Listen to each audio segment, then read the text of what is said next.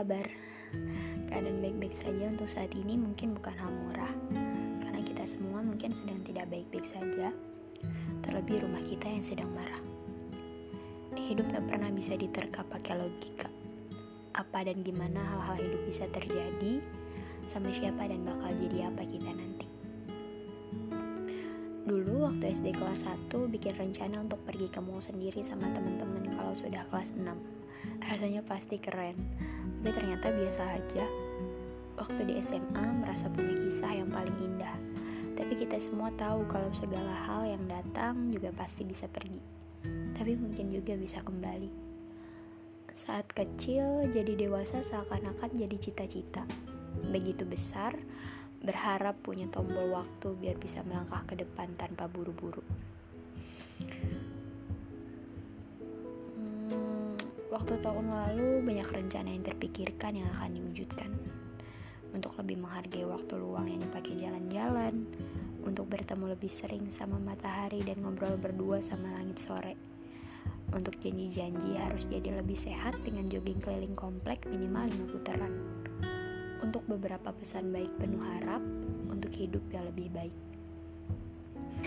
Tapi nyatanya 2020 masih belum ramah juga Udah empat bulan terlewat, tapi dia masih marah.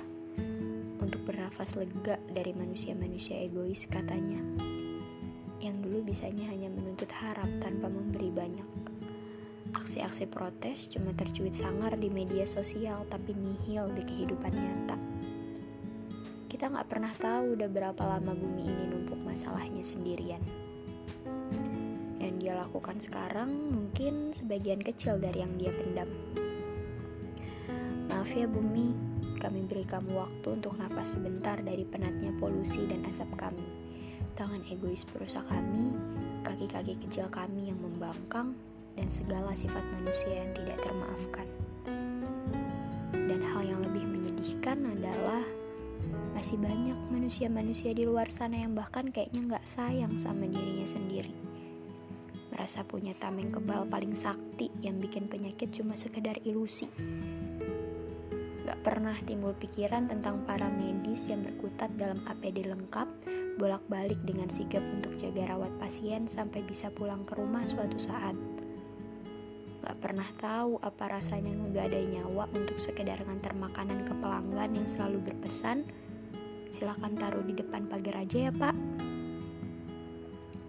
Tentang para supir angkutan umum, ibu-ibu pedagang sayur, bapak Polri dan Dishub, para bapak penjaga portal komplek, dan mbak-mbak kasir toko grosir.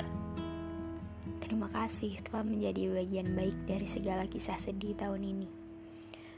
Banyak hal berharga yang baru terasa saat sudah terhalang, banyak hal-hal baik yang baru disadari saat semuanya udah hilang.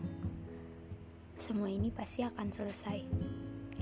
Terima kasih sudah berjuang dan bertahan. Jangan lupa bersyukur dan menghargai diri sendiri. Semangat, we are all in this together.